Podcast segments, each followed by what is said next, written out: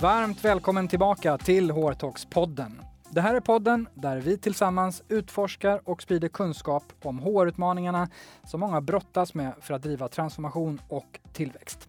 Här lyssnar du på skarpa samtal mellan mig, Tommy Kau, och olika företagsledare, HR-chefer och experter där vi är konkreta, öppna och går rakt på sak.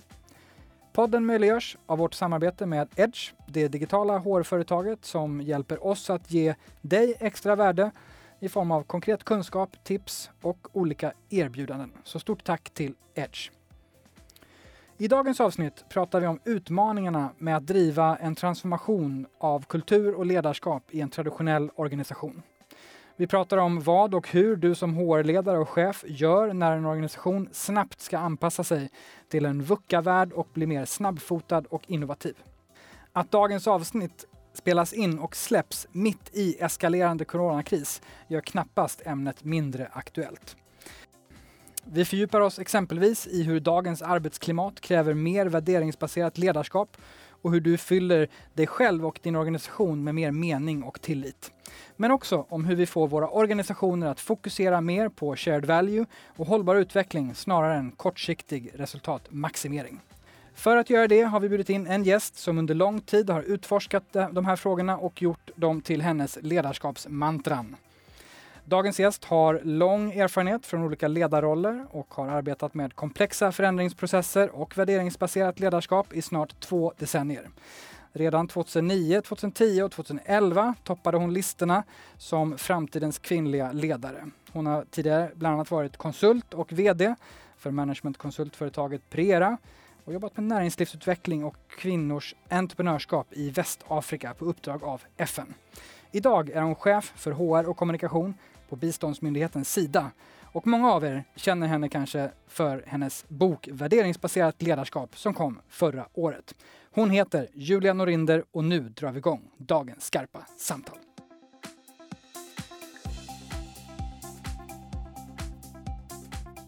Hjärtligt välkommen till HR Talks-podden Julia Norinder. Tusen tack, så kul att vara här. Mycket kul att ha dig här. Och idag ska vi prata mycket om transformation och ledarskap, om resan ni har gjort på Sida och resan du har gjort som både ledare och chef för HR. Men vi befinner oss också mitt i eskalerande coronakris som jag nämnde eh, med anledning av covid-19 viruset. Och eh, eftersom vi går rakt på sak i den här podden så är det också där vi börjar. Vad upplever du som ledare och idag också som chef för HR och kommunikation är den största utmaningen just nu? Alltså jag tänker att det ändå är att klara av att leva med den här enorma osäkerheten som vi gör just nu. Vi har ju pratat ganska länge, du nämnde begreppet VUCA i din inledning och vi har pratat länge om det, men jag tror att många har känt att den där osäkerheten är, ja den finns där, men den är lite mer teoretisk. Nu är den bara så påtaglig. Saker och ting förändras från timma till timma, minut till minut. Gränser stänger, flygplatslinjer stänger ner. Vi får omvärdera alla våra planer och scenarios på daglig basis. Vi lever i en jättestor osäkerhet. Och att ändå kunna hitta någon form av trygghet och framtidstro och ett fokus på sin verksamhet och sin affär i det där. Mm. Det tror jag är den största utmaningen. Tuff utmaning. Eh, man undrar såklart eh, hur Sida som är en eh, högst internationell organisation som finns i världens alla hörn i olika former. Hur påverkas ni av, eh, av krisen konkret? Nej, men vi påverkas ju på otroligt många sätt. Dels så är ju, vi är ju då Sveriges biståndsmyndighet eh, som arbetar med att investera i globalt hållbar utveckling på uppdrag av Sveriges regering och riksdag och därmed svenska folket helt enkelt.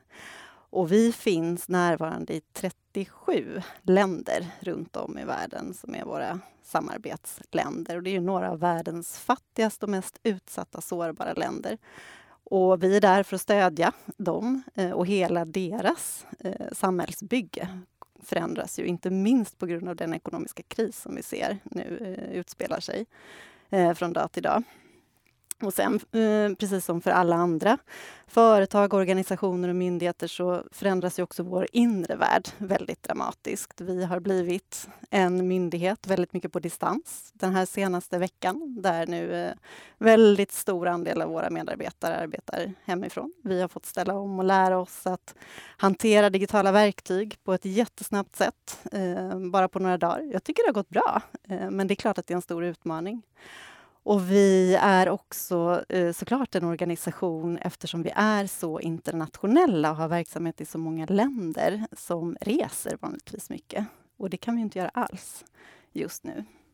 Ja, jag tänker att ni, ni rimligtvis också har mycket medarbetare som är ute uh, runt om i, i världen just nu som har svårt att komma hem kanske eller flytta på sig generellt. Exakt, och mm. det har ju varit bara de, ja, men de senaste två veckorna så har vi arbetat jättemycket tillsammans med Utrikesdepartementet som ansvarar för de ambassader där våra medarbetare är signerade för att analysera läget i varje land och se till att de som behöver komma hem mm. kan komma hem innan gränserna stängs. Mm.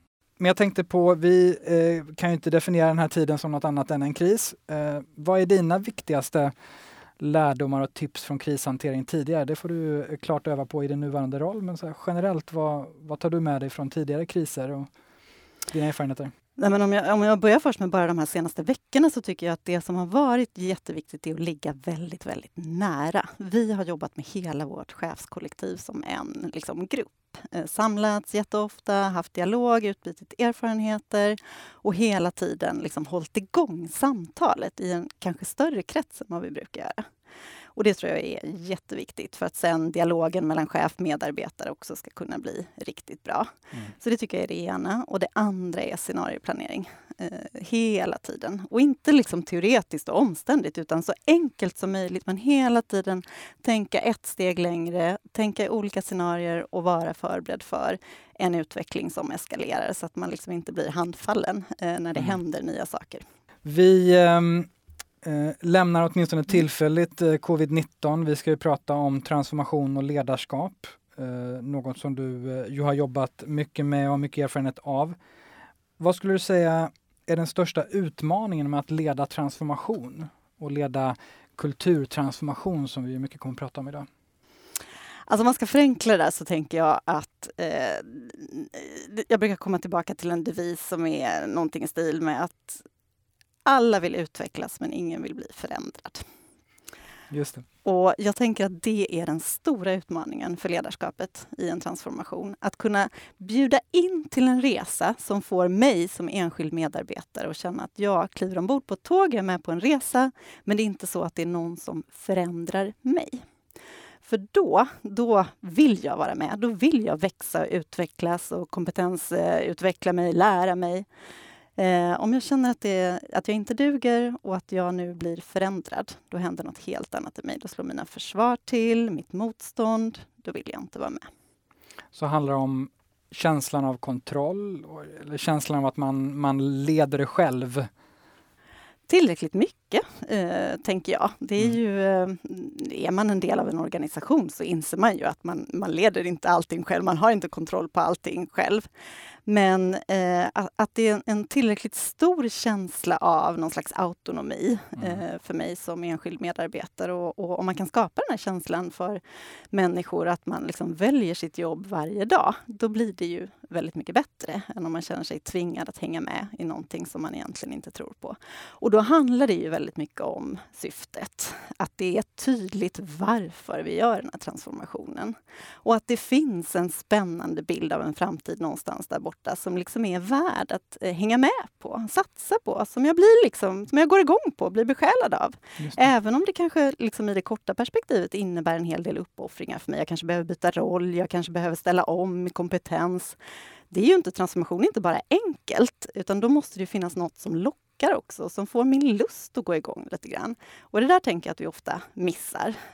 Och varför missar vi det? Är det för att vi krasst inte är liksom tränade i att jobba med det eller att vi har för bråttom som ju å ena sidan känns helt rimligt. Men mm vad är din erfarenhet från att också ha hjälpt många organisationer? Ja, men jag tror att det är den där klassiken att i ledningen så har man haft liksom strategiseminarier och man har diskuterat mm. och man har målat har upp bilderna. Massa tid har lagts där. Och sen så ska man rulla ut programmen och då tror man på något märkligt sätt att även om det tog oss liksom flera månader att landa i det här så räcker det med en timmas webbinar för våra medarbetare så är de bara med.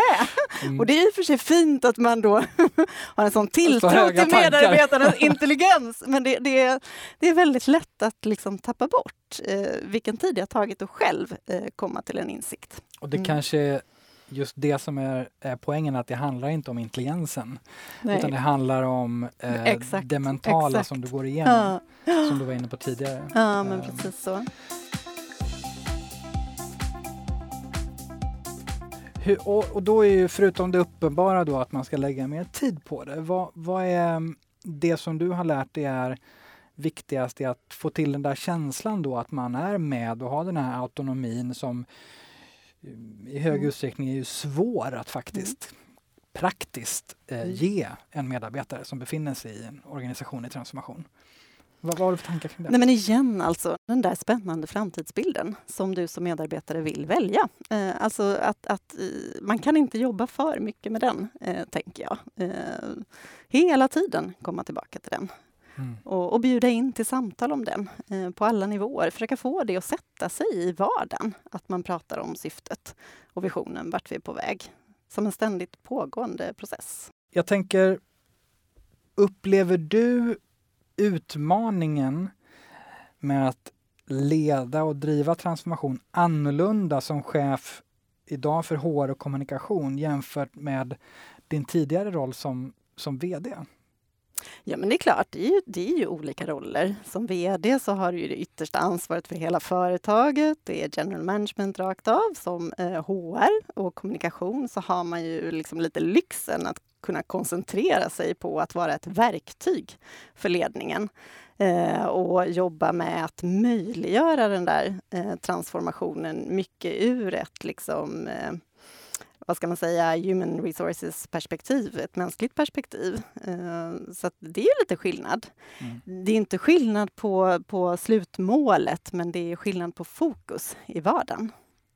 Och vad, och vad i, du nämner att det är viktigt verktyg mm. Eh, och en förutsättning. Mm. Vad i det är viktigast? Alltså om man, jag tänker som mm. HR och kommunikation mm. har du en hel du har en portfölj av verktyg. Mm. Vad upplever du är det viktigaste att Um... Alltså det här kan ju låta lite klyschigt, men... Det är okej, okay. vi har ingen klyschtuta här. Ledarskap och kultur, skulle mm. jag vilja säga. Och de hänger ju väldigt eh, nära ihop. Mm. Eh, jag tänker att som HR jobba genom ledarskapet, möjliggöra ett så gott ledarskap som möjligt, skapa mm. förutsättningar för ett så gott ledarskap som möjligt. Det är ändå ledarskapet på alla nivåer som måste göra jobbet, mm. som måste vara loket i transformationen. Och HR kan stötta och skapa förutsättningar och rusta ledarna eh, hela tiden. Eh, och sen tänker jag kultur. Eh, vi pratade precis innan här om, eh, det, det är någon som har sagt, jag kommer inte ihåg vem, men det var så bra, att eh, kulturen är lite grann som vinden. Och eh, har man, har man, är man kulturkompetent om man har liksom förståelse för hur man kan surfa på vågorna, då blir det Just så det. otroligt mycket lättare att leda i transformation. Så kultur och ledarskap. Mm. Um, och det här gör att vi ganska naturligt kommer in också på, på det du har jobbat med på Sida mm. under ett antal år. Vi kan väl ta oss tillbaka lite till början. Du klev mm. in på Sida 2015. Precis, stämmer bra. Uh, utveckla gärna, hur uh, såg det ut när du kom in? Mm. Alltså det var ju ett väldigt roligt år, eh, 2015, på det sättet att det var året då eh, FN samlades kring de globala målen och, eh, eller lyckades samla världens länder kring de globala målen. Och det var ju första gången vi som världssamfund lyckades formulera en liksom roadmap för både människor och planet en agenda, en plan för hur vi ska kunna skapa då med respekt för planetens begränsningar, välstånd för alla människor. Det är ju Agenda 2030 som nu är liksom så, eller globala målen som är så väl etablerad. Eh, men det var helt nytt 2015 eh, och det var som sagt första gången som man i det globala samfundet verkligen såg, tog det här helhetsperspektivet på frågorna. Människa, planet. Och eh, det betyder ju såklart jättemycket också för oss som Sida som jobbar väldigt nära organen runt om, eh, är ju några av våra viktigaste samarbetspartners. Och Agenda 2030 betyder jättemycket för vår verksamhet. Och vi såg precis den här utvecklingen med VUCA-världen, med behovet av att ha en annan helhetssyn på frågor som tidigare har varit ganska separerade. Också behovet av det man ju pratat mycket om de senaste åren, av att kanalisera mycket mer finansiering för att genomföra Agenda 2030. Det som är bistånd, det räcker liksom inte på långt när till, utan vi behöver kanalisera privata investeringar också i den här riktningen och det är egentligen det allra viktigaste. Och någonstans ska vi lyckas bli en hållbar värld, då måste ju, då måste ju alla företag ställa om till hållbara affärsmodeller. Och hur kan då den typen av pengar som vi har också vara med och driva på den utvecklingen och så vidare. Så vi såg att vi behövde utvecklas, bli mer innovativa, bli bättre på den här helhetssynen och så vidare. Och det var ju en resa som visserligen redan hade på antal år. Eh, men tillbaka till 2015 så eh, ville den dåvarande generaldirektören ändå satsa extra, investera extra i ledarskap och kultur för att just kunna matcha de här nya behoven i det framväxande landskapet. Och där kom jag in med ett och, väldigt tydligt uppdrag att arbeta med de frågorna helt enkelt. Och där kom du in, eh, mm. då som chef för, eh, avdelningschef för HR eh, till Precis. att börja med. Mm. Eh, var, eh, var börjar man någonstans? för det här är egentligen en, i hög utsträckning då en, eh, det är en kulturtransformation. Ni har också transformerat organisationen, hur ni är uppsatta och hur ni styr och så vidare. Men om vi äter elefanten i bitar, var, var började du någonstans? Jag tycker alltid att det är viktigt att arbeta faktabaserat. Eh, så en viktig del, det var att titta på liksom lite mer faktabaserat vad vi behövde stärka och utveckla i vår kultur för att matcha den målsättning vi hade i verksamheten. Och då gjorde vi bland annat en eh, kulturmätning eh, med hjälp av ett instrument eh, som tittar både på nuläge som också tittar på ett önskat läge för att kunna liksom maxa eh, prestationen eh, i organisationen. Och där var alla medarbetare med och svarade. Och eh, vi jobbade också väldigt mycket med eh, de här resultaten i vårt chefskollektiv för att tolka och se och förstå vad är det då vi behöver stärka och utveckla i vår kultur för att matcha eh, den verksamhet vi vill bygga för så framtiden. Ni fick det svart på vitt eh, så att säga i den mån man kan mäta sånt här? Mm. Man kan ju inte mäta sånt här, men man kan få underlag för riktigt bra samtal och riktigt bra dialog.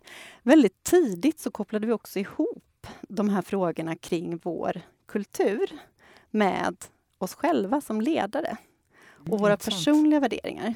Så vi började faktiskt också redan då att prata om det perspektivet. Okej, hur, hur tedde det sig? Det togs väl emot, eh, skulle jag vilja säga. Vi började nästan alltid, vi hade en, en serie av liksom, mm, workshops eh, där alla chefer eh, deltog och då vi hade stort fokus på resultaten av den här mätningen och vad vi, behöver stärka, eller vad vi då behövde stärka i vår kultur. Men vi började inte där, utan vi började faktiskt varje workshop i våra personliga värderingar och vårt personliga syfte. Varför är jag här på Sida? Varför är det meningsfullt för mig? Vad är det jag vill vara med och bidra till? Vad är det jag vill vara stolt över när jag sitter i min gungstol? Så. Det är därför jag tar upp det här också med de personliga värderingarna, syfte. Att I grunden tänker jag också att varje förändringsresa eller transformation i ett företag eller en organisation, egentligen handlar ju det om att vi som individer mm. måste utvecklas och växa eller liksom genomgå en transformation. Man kanske bara ska göra en, en uh, hissbeskrivning av Sida som mm. organisation. Alltså hur många anställda, hur många är del i chefskollektivet som du, som du kallar det? Eh, ja men precis, vi är ju, eh, vi är ju inte en jättestor organisation. Då kan man, då kan man jobba på ett sätt. Eh, om man är väldigt stor så får man jobba på ett annat sätt. Vi är 750 personer ungefär och vi har ett chefskollektiv. Ehm, vi är runt 40 i Sverige och 80 ehm, om man tar med hela världen. Så det är en ganska hanterbar storlek på grupp. Just det. Ja, men det är bra att känna till, mm. lite som man sätter det i perspektiv. Vad blev sen de konkreta, vad ska man säga, förändringarna eller sakerna som ni drev som en konsekvens av eh, det här inledande arbetet och, och, planen egentligen för den kulturen som eh, ni ville utveckla? Mm.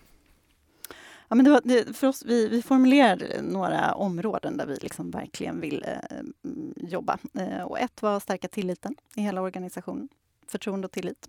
Där fick vi bra draghjälp sen av den statliga tillitsdelegationen som tillsattes bara faktiskt några månader senare. Så det har ju också varit en fråga för hela eh, den svenska statsapparaten att, att titta på hur vi kan jobba mer med tillit i ledarskapet och minska på onödig regelstyrning.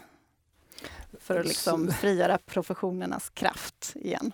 Vad, vad, kan liksom det konkret vara som ni trimmade bort så att säga? För att det skulle bli lite mer lättstyrt?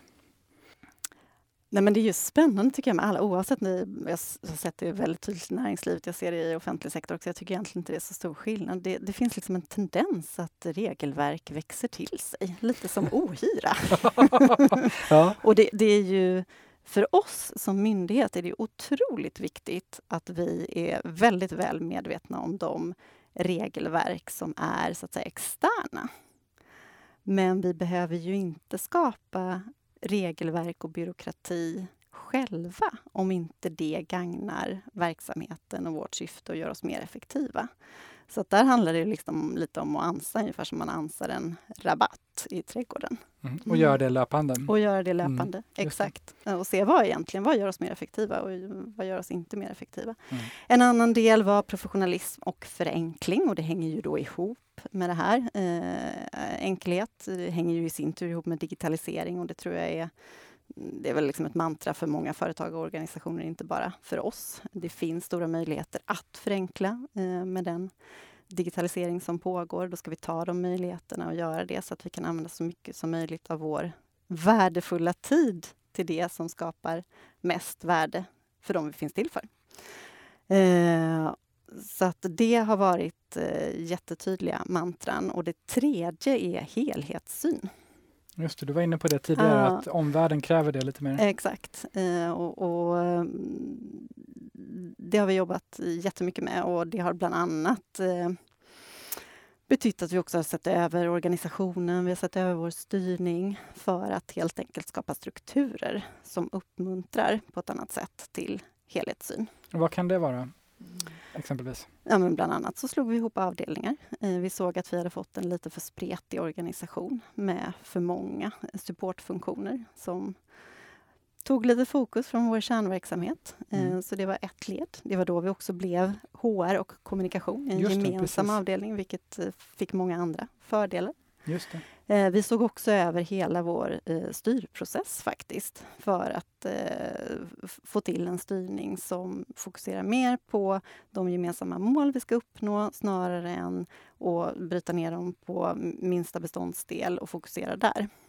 Vad eh, kan du berätta att liksom ni gjorde för att förenkla den där styrningen och göra den mer helhet snarare än ner på minsta silo? Ja, men alltså jag tycker faktiskt att, att några väldigt konkreta saker är hur vi har förändrat vårt sätt att arbeta med ledningsgruppen. Eh, vår, vår generaldirektör jobbar idag mycket mer med uppföljning i ledningsgruppen snarare i, än i en till en eh, mellan olika delar av verksamheten. Och det har gjort en jättestor skillnad. Så att alla är med på ett Exakt. sätt i alla delars uppföljning? Exakt. Mer. Ja. Mm. Och sen har vi jobbat också, det, det, nu kommer jag lite bort från kanske själva styrningsfrågan, men vi har också jobbat mycket med ledningsgruppen. Just det. Eh, lärt känna varandra, de här klassiska sakerna. Eh, för det är ändå så att relationskvaliteten är väldigt avgörande för om vi ska orka och klara, speciellt i svåra situationer som en pågående coronakris eller så. Klara att ta helhetssyn och vara generösa eh, mot varandra och verkligen samarbeta. Snarare än att sluta oss och börja fokusera ensidigt på våra egna resultat. Eh, så att, eh, att investera i relationskvaliteten tycker jag också har varit otroligt viktigt. Ja, men det är ju det här klassiska och det, det har man ju pratat om så många år, men det där är svårare i praktiken Mm. än i, eller det är svårare i praktiken än i teorin, men att liksom komma ifrån att man sitter och representerar sin affär eller sin del av verksamheten eller sin avdelning, utan att man verkligen är där för att tillsammans leda hela företaget Mm. eller organisationen. Det är liksom ett mindshift som är så viktigt och det Mm. behöver man också investera lite grann i för att få det att sätta sig. Just det. En sak som jag ehm, tyckte var så bra också när vi pratade inför det här, Mm. det var just att eh, alla som, som lyssnar och sitter där ute kan fundera på sin egen ledningsgrupp eh, på det här perspektivet att eh, om du har väldigt många supportfunktioner som sitter i ledningsgruppen så är det ju så att varje plats i ledningsgruppen tar minuter av ett ledningsgruppsmöte. Absolut. Eh, Och att det var också en Mm. drivkraft för att ni slog ihop vissa avdelningar. Absolut. Eh, Mm. Det som är ledningsgruppen, vad lägger vi tid på där? Mm. Det kan låta väldigt krasst, men det var Mm. verkligen en sån kalkyl på liksom talartid och på fokus och eh, hur blir vi effektiva som ledningsgrupp? Ja, men då kan vi inte ha för många supportfunktioner representerade där och då blir också organisationsstrukturen viktig för att ändå få en representation in i ledningen, för det behöver ju alla delar av verksamheten. Absolut. Ja, det är någonting som, som alla kan ta med sig. Eh, krasst men också väldigt enkelt. Väldigt enkelt. Oerhört. Det är, så här, Ja. det är bara att titta på så här, hur många sitter här och vill ha uppmärksamhet och, och ta Exakt, tid. Ja. Exakt. Vi ehm, pratade lite om funktionen nu. Jag funderar Mm. lite på vad den här resan har ställt för krav på inledningsvis då HR-funktionen eh, från det att du kom in. Eh, vad, vad kan du berätta om det och hur ni har jobbat? Nej, men jag skulle säga att vi har blivit en väldigt mycket mer strategisk och verksamhets eller affärsnära HR-funktion. Eh, det, det, det är en radikal eh, förändring. Och vi har också haft, eh, vi har haft jättestort och fint stöd av ledningen så att vi har också kunnat få in nya kompetenser och funktioner. Så vi har ju satsat mycket på att bygga kompetens inom ledarskap, inom kultur, inom den typen av områden. Mycket, vi har pratat väldigt mycket strategisk kompetensförsörjning också. Mm. Eh, Alltså och- som kompetens in i HR, som funktion i HR-avdelningen. Precis, exakt. Att ha de kompetenserna där så att vi återigen kan fungera som det här verktyget för ledningen.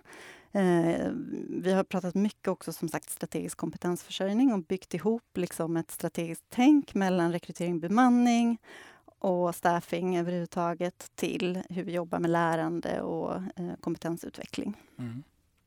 Och här får vi en liten teaser på kanske vad som är ganska högt på agendan. Eh, om man nu bortser Mm. från Corona. det faktum att vi är mitt i coronakrisen. Men 2020, vad, nej men vad, vad har varit högt på agendan och, och är fortfarande högt på agendan utifrån en HR och kommunikationsfunktion nu också då?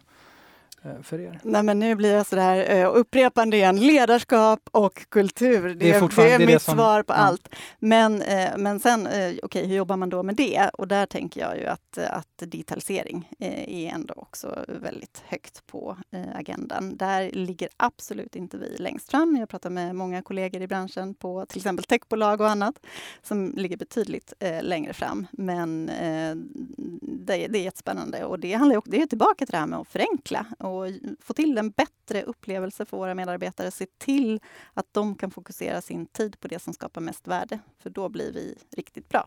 Så digitalisering i termer av arbetssätt, samarbete, verktyg som ett medel för att driva kultur och eh, ledarskap. Absolut, så kan det vara, men också i bara det här enk- liksom att förenkla medarbetarnas liv i vardagen. Mm, Liksom. Mm. Just det. Om du nu efter fem år drygt och två ungefär år som ansvarig också för kommunikation. Om du får zooma ut lite grann nu när vi står här, lite terapeutiskt. Vad är mest intressant utifrån ett HR och people-perspektiv med den här resan som ni har gjort med Sida under de här åren? Ja, nej men när, när det kommer ner till, till det så blir det ju väldigt mycket ledarskapsfrågor mer och mer. Jag tänker på den här gamla tiden när man pratade ledarskap och medarbetarskap. Eh, nu eh, tänker vi i alla fall väldigt mycket att det är ledarskap. Det är basen i ett självledarskap som alla behöver utveckla. Eh, och för att just också känna att man är med på en resa, att man väljer sin arbetsgivare varje dag och hela den här biten som vi pratade om tidigare.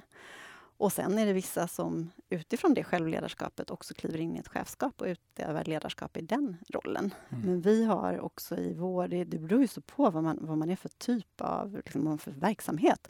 Men vi har ju otroligt många av våra medarbetare som har ett jättetungt ansvar i sina roller.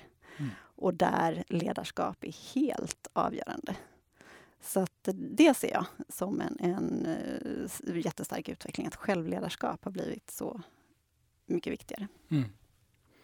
Och låt oss prata vidare om, om ledarskap. Du har, ehm, eh, som vi sa inledningsvis, jobbat med värderingsbaserat ledarskap i, i många år. Du har skrivit en bok eh, med samma namn. Vad, om vi går ner till benet, vad innebär värderingsbaserat ledarskap för, för dig? Precis, jag, jag, tog ju 220 sidor på mig för att liksom bli klar med det. Ja, så att jag är glad att jag får den frågan. Vänligen summera. ja. eh, nej, och då, då handlar det väldigt mycket om ett medvetet ledarskap. Jag var inne på det mm. tidigare också att, och det här är ju, jag ska inte säga att jag är där, det här är liksom en resa, livslång resa. Men att eh, vara medveten om varför jag som ledare i olika situationer väljer att agera på ett specifikt sätt. Och att faktiskt kunna välja. Att inte bli hijackad av sin egen stress, press, sina egna rädslor, att inte räcka till, duga, prestera, vad det nu kan vara och då eh, agera utan ett val. Och till mm. exempel spilla över sin egen ångest på andra. Utan att hela tiden kunna ta det där liksom, djupa andetaget, pausen och välja sin respons. Det är kärnan i ett värderingsbaserat ledarskap. Jag gillar det. Det, det är eh, att reflektera och sen att aktivt välja det som vi knappt hinner. Idag. Mm. Eh, och, och, det är ju jättesvårt, så det går ju inte alltid. Och det är inte det att man ska vara perfekt. Det är jag jättenoga med att säga mm. i min bok också, för då blir det... Då går det liksom inte. För då Nej. blir det prestation igen bara. Just det. Som i sin tur kanske eh, motverkar att man tar sig tid att reflektera. Exakt. Men jag tänker, och det här är också en stor del i, i mm. din bok, eh, en, en en, boken består av flera delar, men det här är en stor del att, att det också börjar med det här, att det börjar med dig. Vad är, vad är det tuffaste med att få till det där då? Och som gör att många tänker att jo, men jag lever det, fast man egentligen kanske inte riktigt gör det. Nej, men alltså, jag tror att vi framförallt underskattar eh, vi underskattar lite hur svårt det är. Eh, och, det. och det finns ju en del som känner att det där med värderingar, det har bara blivit en enda floskelfabrik för ganska många företag och organisationer har gjort eh, kanske ganska konsultdrivna processer för att formulera en värdegrund, kommit fram till tre nyckelord, rullat ut i organisationen och that's it. Eh, och då blir det ju inte bra, eh, utan då blir det ju kanske ibland nästan ett hån att det står respekt på en kaffekopp men medarbetaren upplever i mötet med chefen att det är något helt annat som utspelar sig och chefen har inte koll på det. Liksom. Eh, och, och, om det här ska bli eh, bra så måste det ju vara mycket, mycket mer djupgående. Det behöver inte betyda att det ska ta massa tid från verksamheten, utan det gäller ju att få till en sån här liksom, reflektion som mer är mm. ständigt pågående i vardagen. Och där ligger det ju jättemycket liksom, ansvar på mig som individ, som, som ledare. Att jag är intresserad av att förstå mig själv och hur jag fungerar i stress och mina känslomässiga reaktioner. Och hur de både kan hjälpa mig att leva mina värderingar men också skälpa mig i vissa situationer. Och hur jag kan få till den där liksom pausen eh, korta stunden av djupt andetag och reflektion innan jag trycker på sändknappen på det sura mejlet eller innan jag liksom går igång på ja. mötet och inte förstår att jag... Eh, så. Det här värderingsbaserade ledarskapet som ju bygger på det som du beskriver närmast ett individuellt beteende eh, och en individuell reaktion på en situation. Det är där mm. det testas. Eh, och inte huruvida du gå runt med kaffekoppen eller inte. Exakt så. Nej, eh, men hur gör man då? Eh, ja, där tänker jag att HR återigen har en otroligt viktig roll, för det handlar ju om att skapa eh, liksom arenor och möjlighet till den här reflektionen, att helt enkelt bygga in det. Vi har ju mängder med arenor. Mm. Vi har eh, mängder med ledarskapsprogram, vi har olika typer av lärandeprogram. Vi har processer för uh, utvecklingssamtal, allt sånt där som liksom finns i organisationen. Vi har vår rekrytering. Att få in det här perspektivet Mm. i de befintliga processerna är helt avgörande. Mm. För då kommer det liksom in i vardagen.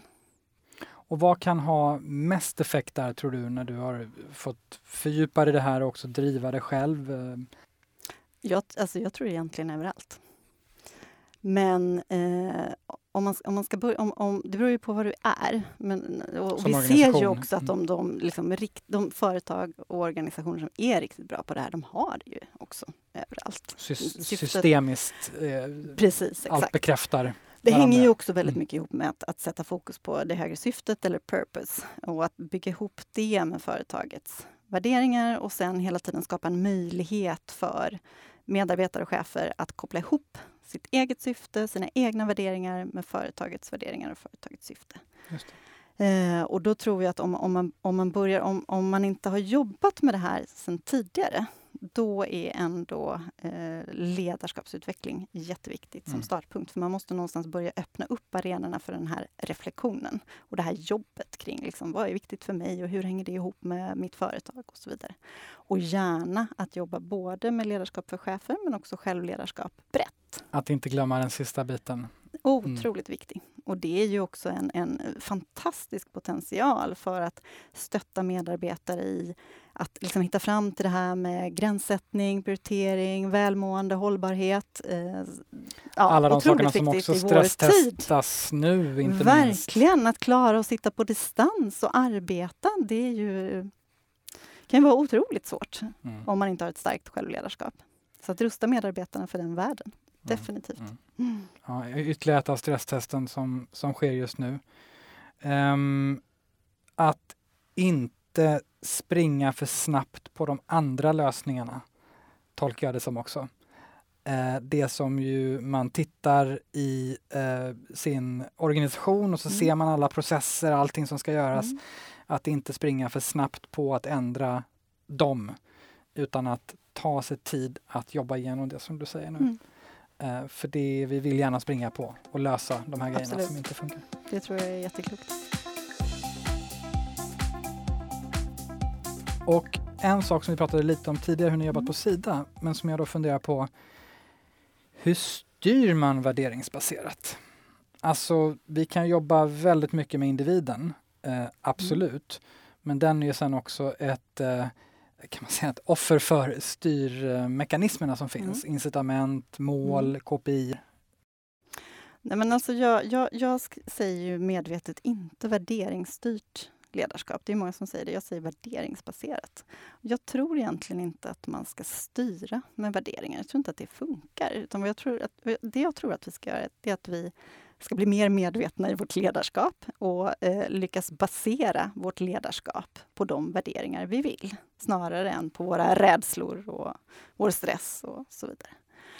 Sen ska vi bygga styrsystem som stöttar våra mål, vår vision, vår affär och den kultur vi vill utveckla utifrån vissa värderingar. Men vi ska inte tro att värderingarna i sig som hjälper oss att gå i den riktning vi vill gå. Så att inte vara, eh, vad ska man säga, eh, naiva i att tro att bara för att vi har tydliga värderingar så kommer det hjälpa till att styra vår verksamhet, hur komplex den nu är.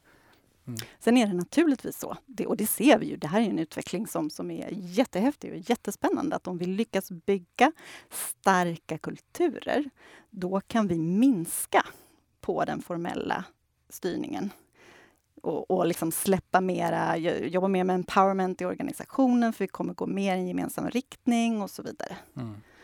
Men det är inte så att eh, värderingarna styr. Styr. Nej.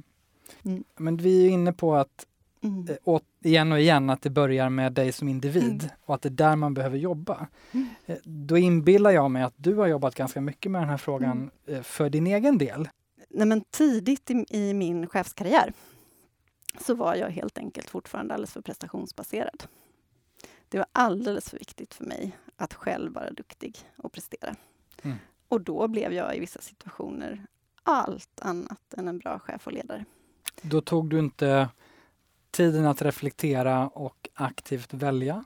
Precis. Jag hade inte förmågan att göra det alls då, utan då kunde jag bli hijackad av min egen prestationsångest.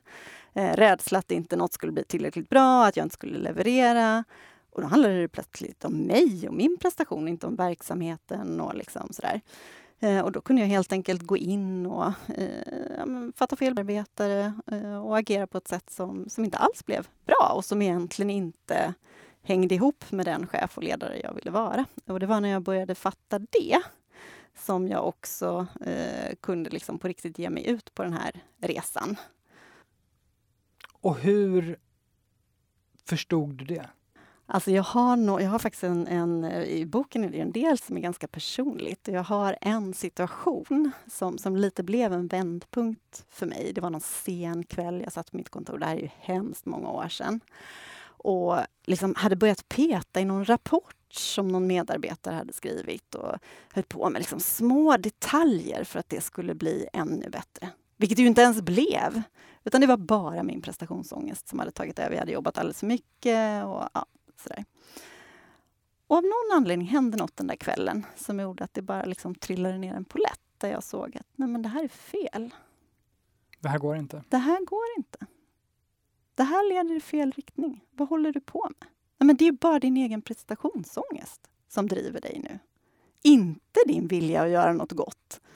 Eller lyckas med någonting tillsammans. Eller liksom få dina medarbetare att utvecklas. Och då bestämde jag mig för att eh, förändra det där och tog tag i, ehm, förstod att jag hade i lite för hög utsträckning en prestationsbaserad självkänsla och började jobba med det på riktigt. Ehm, och det blev ju en väldigt bra resa för mig som gjorde mig både gladare som människa mm, och också en mycket bättre chef och ledare. Jag tänker också eh, i det här så var du ju i högpresterande roller. Du var mm. managementkonsult, chef. Eh, vad, vad, skulle du vilja skicka med om man känner igen sig mm. lite i det här eller för den skullen har medarbetare eller ledare runt omkring sig? Hur gör man det här när man samtidigt ska, man är mitt i det?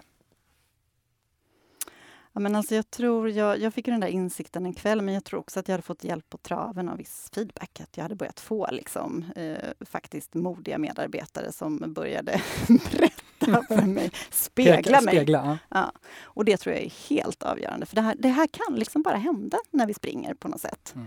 Eh, vi kan inte sitta och reflektera oss fram till det här i någon garderob någonstans, utan det måste hända i samarbete med andra in action. Men feedback, feedback, feedback. Eh, och det började jag jobba mycket mer aktivt med eh, efter det här. Jag blev också ganska medveten då om att jag hade varit rätt så rädd för feedback. Mm. Eftersom jag någonstans hade velat vara lite för perfekt. Och då blev det lite hotfullt med feedback. Men i det där så kunde jag vända och se och förstå att nej, jag är inte perfekt. Det är väldigt få människor som är det. Om jag får feedback så förstår jag bättre hur jag påverkar andra och jag kan bli mycket mer effektiv som ledare. Jag kan också bli mer öppen med vad som är lätt och vad som är svårt för mig. Och då trivas bättre med mig själv och bli ja, bättre på alla sätt helt enkelt. Så jag började jobba mycket, mycket mer med feedback och öppnade upp för det på ett annat sätt. Och det har varit helt eh, avgörande framåt, för det är ju ibland ganska svårt att få fatt i sina egna beteenden. Mm. Särskilt när de är lite irrationella och man har liksom ett stresspåslag. Det är inte alltid ens man kommer ihåg efteråt vad, vad som har hänt. Liksom. Jag vill tacka vår samarbetspartner, digitala HR-företaget Edge. Vill du som HR-ledare eller chef få konkret hjälp med att förenkla och effektivisera ditt HR-arbete i den rådande coronakrisen? Då tycker jag att du kostnadsfritt ska prova på Edge digitala kunskapsbank där du kan få användbar och aktuell information för att ta dig igenom de HR-utmaningar som coronautbrottet medför. Behöver du dessutom snabb experthjälp finns deras digitala tjänst Helpline där du får svar på mer specifika frågor av en HR och arbetsrättsexpert inom 24 timmar. Edge är en del av HR-koncernen Wise Group och hjälper redan över 3000 kunder med tillgång till mallar, dokument, checklistor, kalkyler och svar på alla frågor inom HR. Och det bästa av allt är att du kan komma igång nu direkt online och i mobilen. Som lyssnare till HR Talks-podden kan du nu registrera dig för en förlängd 14 dagars gratis prova på-period. Registrera dig enkelt direkt på edgehr.se hrtalks. Och apropå framåt så ledde det här sen till en resa där du blev eh, partner, VD, eh, som jag nämnde inledningsvis, eh, topprankad som framtidens kvinnliga ledare flera år i rad. Ni blev också på företaget du då jobbade på utsedda flera år i rad som, som Sveriges bästa arbetsplats, eller en av dem. Ehm, en av de mest jämställda arbetsplatserna och många andra fina priser. Hur var steget från den resan sen över till HR? Uh, det är inte självklart att man går från att vara VD Nej. och bygga bolag så till HR.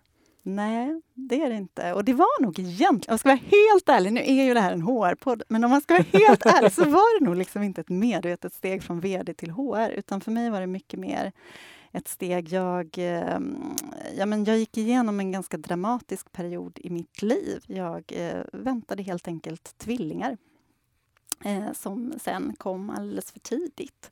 Och en av dem klarade sig inte. Eh, den andra, min fantastiska lilla eh, dotter, eh, lever och har hälsan så det, det, blev ju ändå något otroligt positivt. Men det var en, eh, ja, men en väldigt eh, dramatisk upplevelse och en period som fick mig att börja fundera mycket mer på, eller ännu mer på djupet kring den där meningen som jag så länge har dig. sökt. Eh, och i slutet av, av den liksom, processen så sökte jag mig till biståndet och till att jobba mer aktivt egentligen med hållbar utveckling.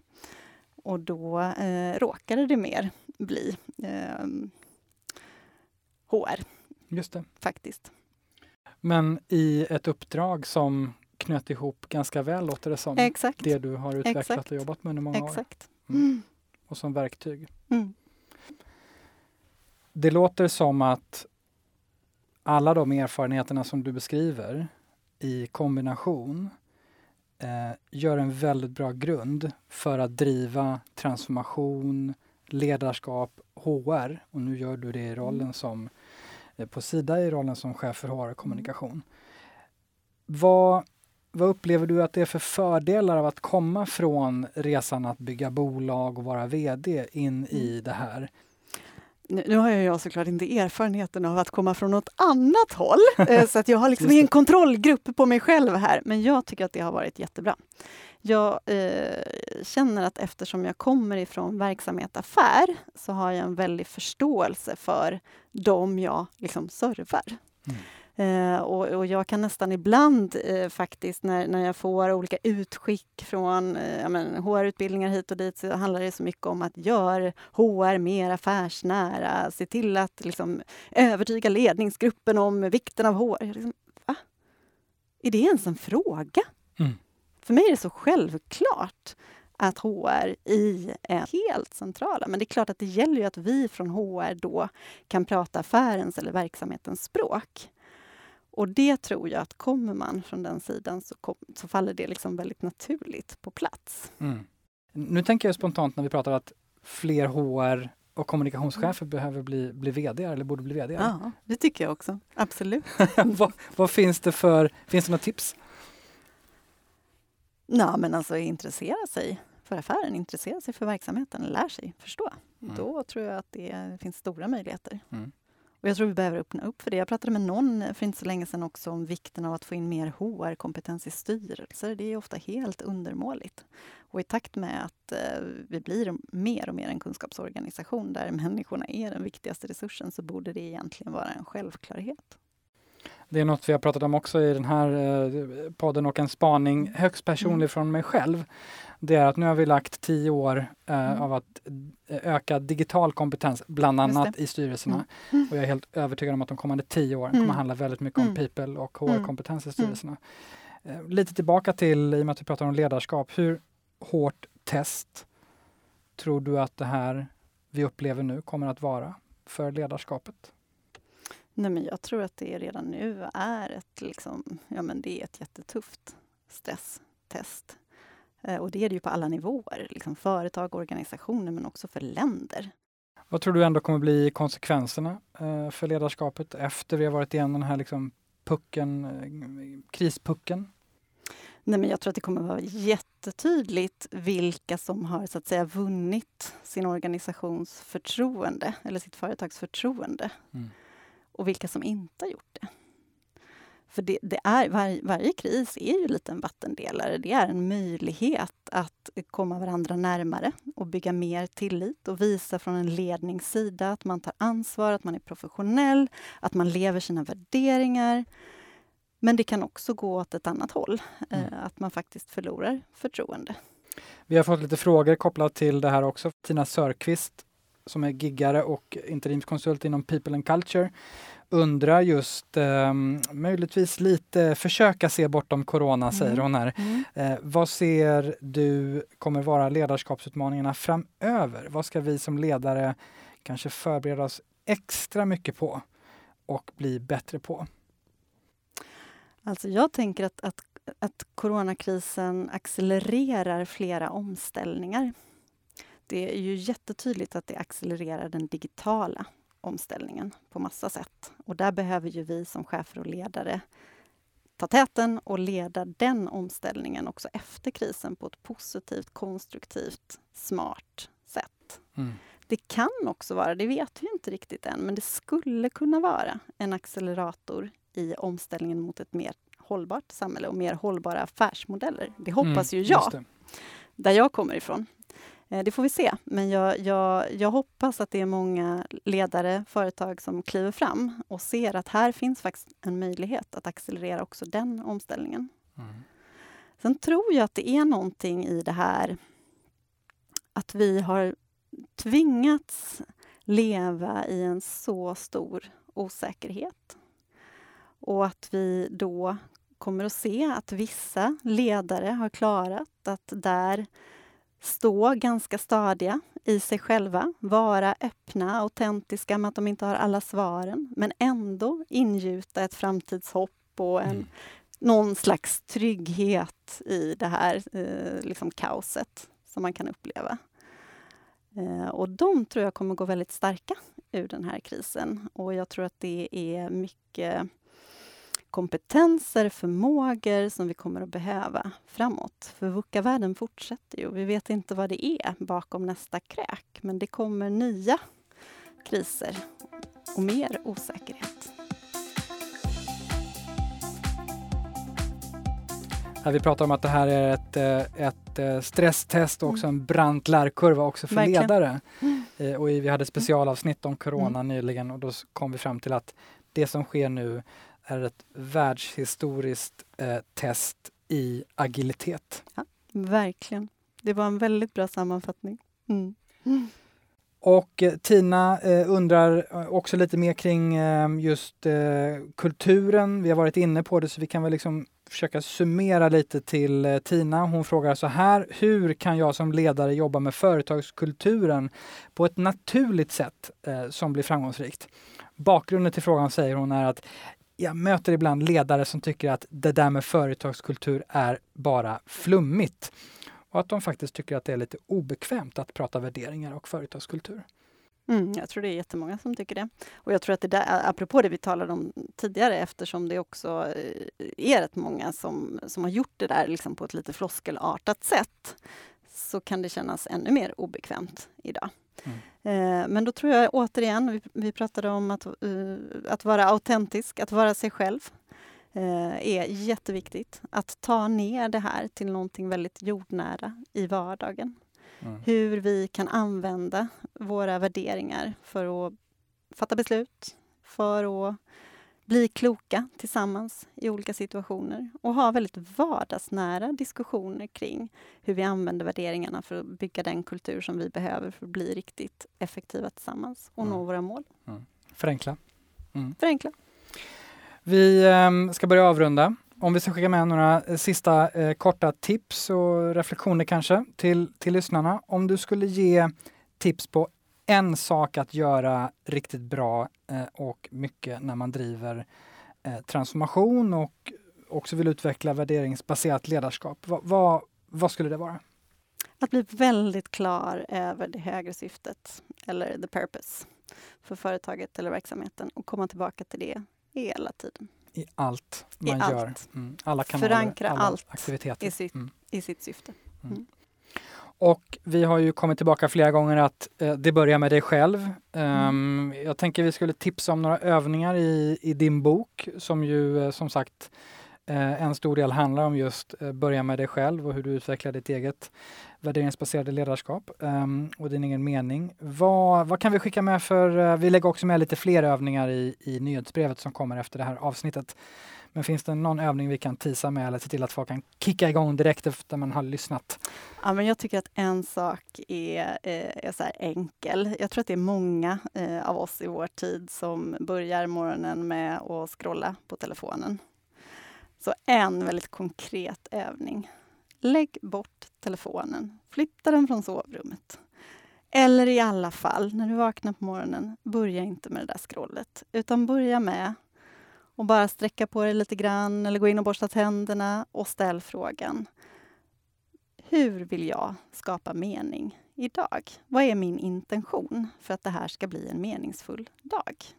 Och då kan det vara, för mig kan det till exempel handla om att jag blir klar över att ja, men idag ska jag verkligen göra allt vad jag kan för att sprida positiv energi omkring mig i alla mina möten. Jag vet att jag kommer att ha de här sjukt svåra mötena mitt på dagen. Men jag ska gå in där med ambitionen att sprida positiv energi det kommer kännas meningsfullt för mig.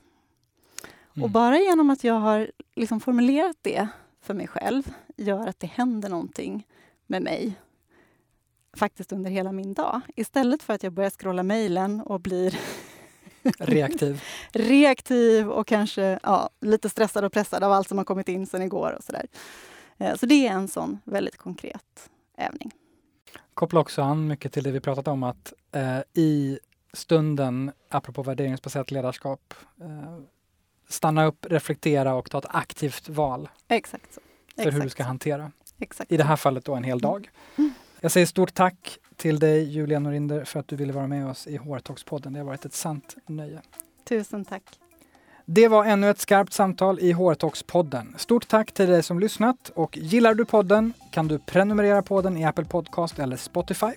Följ oss gärna på HR-talks-podden på Instagram och LinkedIn och anmäl dig till vårt nyhetsbrev så får du varje torsdag det senaste avsnittet, citat, lite reflektioner och tips och erbjudanden. Jag vill även tacka vår samarbetspartner, digitala HR-företaget Edge, som är med och möjliggör att vi kan utforska och sprida kunskap via den här podden. Hårtalkspodden ges ut av Kao Company, produceras av Mediemera och du hittar all info på hårtalks.se. Nästa vecka kommer ett nytt färskt avsnitt. Tills dess, ha det bra!